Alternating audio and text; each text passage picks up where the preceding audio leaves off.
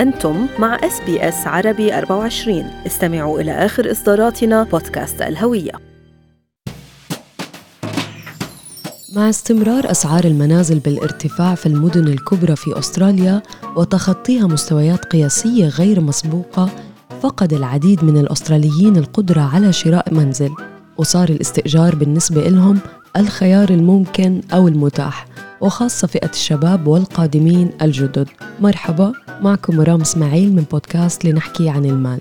واليوم رح نحكي أنا والمحلل الاقتصادي عبد الله عبد الله عن حقوق وواجبات المستأجر قبل وخلال وعند انتهاء مدة العقد. ونشوف شو اللي بيترتب على المستأجرين مع انتهاء مدة تأجيل دفع الإيجارات وبدء العمل بإنذارات الإخلاء بالعديد من الولايات الأسترالية.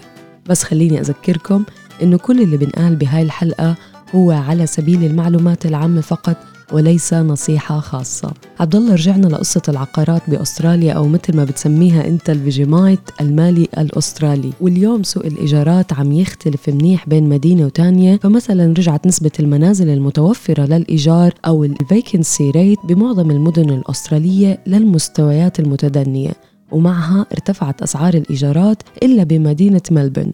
واللي الترند فيها معكوسة حيث ارتفعت نسبة أسعار المنازل وانخفضت فيها الإيجارات. فعلا مرام اليوم السوق العقاري الأسترالي رجع يشهد طفرات ومستويات مرتفعة بأسعار المنازل وبالأخص مع إقبال العديد من المستثمرين ومشتري المنزل الأول ال first home buyers مقبلين على السوق ليستفيدوا من أسعار الفوائد المنخفضة. هلأ للأسف ما كل الناس عندها القدرة للدخول بالسوق لعدة أسباب ويمكن يكونوا فقدوا هالقدرة بشكل كلي مرام لليوم أنهم يحققوا الحلم الأسترالي بامتلاك منزل وخاصة منزل داخل المدن الكبرى. هلأ هاي المجموعة من الناس للأسف ما عندهم خيار إلا الاستئجار وخاصة أنه الانتقال بالنسبة لهم ممكن للعيش بالمدن والمناطق البعيدة فيها عقبات وأهمها توفر فرص العمل تعليم خدمات الصحية وغيرها من الأشياء اللي ممكن بيكونوا بيطمحوا لها ومانها متوفرة بال remote areas بأستراليا. آه، واليوم بحسب الإحصاءات مرام بيشكل المستأجرين آه، بأستراليا اجمالا 32% آه، من مجموع المنازل يلي تقريبا كرقم هو 2.6 مليون عائلة عايشة بالاجار وأمام الضغط يلي عم يشهده سوق الإيجارات بسيدني وبيرث وبريسبن وادلايد ومثل ما قلنا مع دخول إنذارات الإخلاء حيز التنفيذ في آخر مارس آذار بعد تجميدها خلال أزمة كورونا لابد إنه نكون مدركين لكل حقوق حقوقنا وواجباتنا كمستأجرين. هلأ خلينا مرام قبل ما نحكي عن إجراءات انذارات الإخلاء نوضح شو هي اليوم القوانين اللي متعلقة بالأجار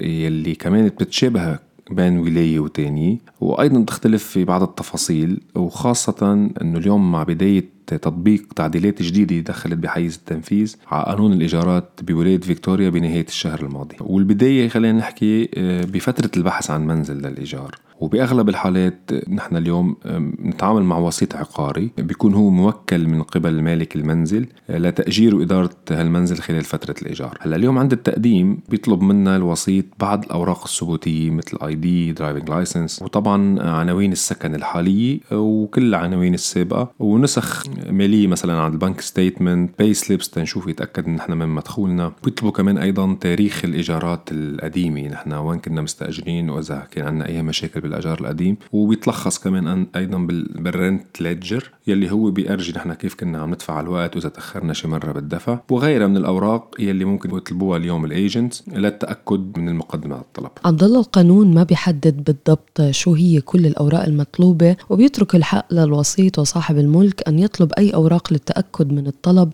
والموافقة عليه أو رفضه كما أنه أيضا يترك للمتقدم بطلب الإيجار حرية عدم تقديم أوراق معينة إذا حسها بتمس بخصوصياته أو ما إلها علاقة بطلب الإيجار. هلا اليوم أغلب أسعار الإيجارات بتكون معلنة ولكن عند تقديم الطلب نحن بنحط بالسعر يلي بيناسبنا بحالة نحن عم نحكي ولاية نيو ساوث ويلز يعني بعض الناس اليوم ممكن يحطوا سعر أقل من المطلوب والبعض الآخر بيحطوا بال application بالطلب سعر أكثر من المطلوب. أكيد كل واحد حسب حاجته للمنزل وفي منازل بولاية نيو ساوث ويلز مرام تخضع لل silent auction وهذه ال silent auction بيديرها الوسيط مثل عملية الشراء. فيكتوريا بالضبط منعوا هاي القصة اللي هي silent auction ولازم اليوم البيت تتأجر بسعر الإعلان أو المعلن عنه على ال website. عبد الله بنشوف هاي العملية كتير بالمناطق المطلوبة وخاصة يلي بتكون ب catchment يعني المدارس الحكومية القوية واللي دائما هي عامل بارز بارتفاع أو انخفاض أسعار الإيجارات. طبعا بعد تقديم وقبول الطلب بنوقع عقد واللي لازم يكون عقد standard بحسب الولاية وبيتحدد فيه عدد وأسماء المستأجرين وكل البالغين اللي رح يسكنوا في البيت. قيمة الأجار بتكون إما أسبوعية أو كل أسبوعين. هاي بالنسبة لطريقة الدفع واللي صارت مؤخرا خصم بشكل أوتوماتيك من حساب البنك. طبعا مدة العقد ونوعه ومحتويات المنزل يلي داخله بالإيجار مثل مثلا غسالة الصحون أو أي قطع أثاث أخرى. وبتحدد أيضا مبلغ التأمين أو ال bond اللي بندفعه عند العقد.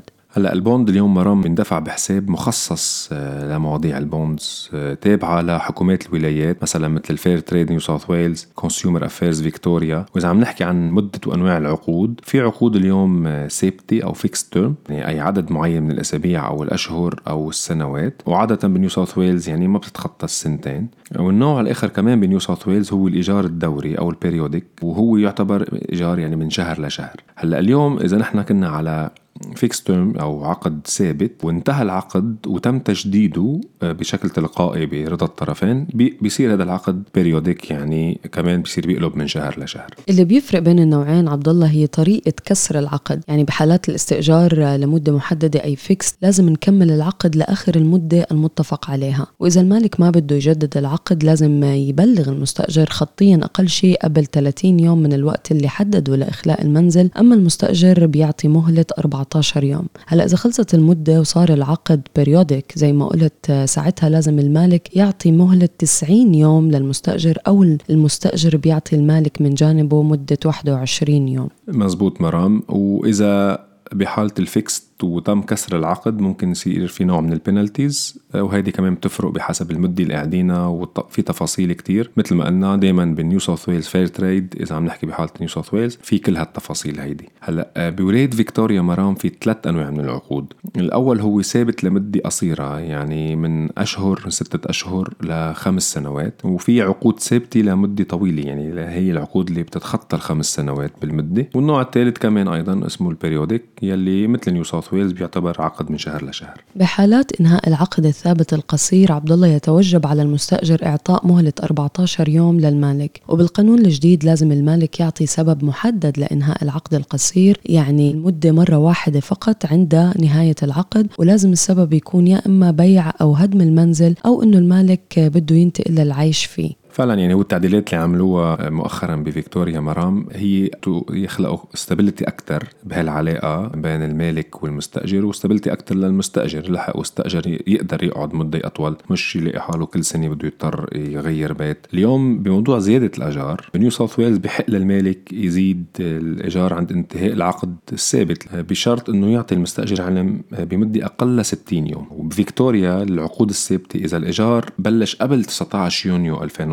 2019 بحق للمالك يزيد كمان مرة كل ست شهور. أما العقود يلي بلشت بعد 19 يونيو 2019 فالمالك بحق له يزيد مرة وهي مرة سنوية يعني. هلأ بالحالتين لازم يكون مذكور بالعقد إنه المالك بحق له يزيد الأجار بحسب الاتفاق بين الطرفين. اليوم حكومات الولايتين مرام ما بيحددوا الزيادة بالأجار بالعقد يعني. مش بالضرورة تتحدد قديش القيمة ولكن عادة بتكون مساوية للزيادة بمؤشر اسعار المستهلك بأستراليا اللي هو بيقولوا له ال Consumer Price Increase أو ال CPI أو معدل الزيادة الإجمالية بالولاية. اليوم كل ولاية في معلن قديش عم بتزيد الاجارات بأي نسبة فيها أو عم تنقص. إذا حدا حس إنه اليوم في زيادة غير منطقية من المالك على المستأجر بإمكانه يلجأ لل New South Wales Fair Trade أو ال Consumer Affairs Victoria. هلا من واجبات المستأجر الحفاظ على المنزل وإعادته بالحالة اللي استلموا عند دخوله إلا طبعا في حالات ال wear and tear يعني الأشياء اللي بتستهلك تلقائيا مع الاستعمال مثل المكيفات أو سخانات المي أو غيرها من التفاصيل العديدة بس إنه كله هذا الإشي بيحكوا فيه قبل أو عند انتهاء العقد.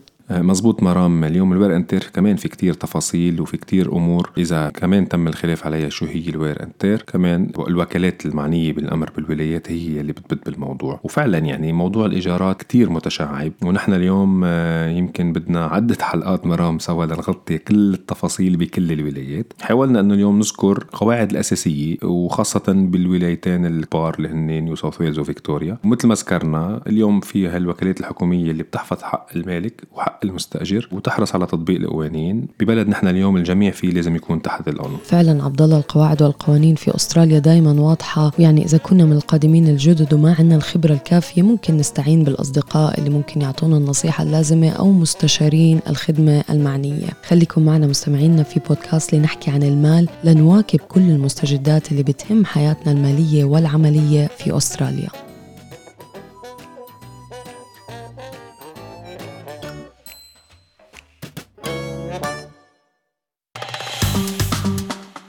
اضغطوا على ال like أو على ال share أو اكتبوا تعليقاً.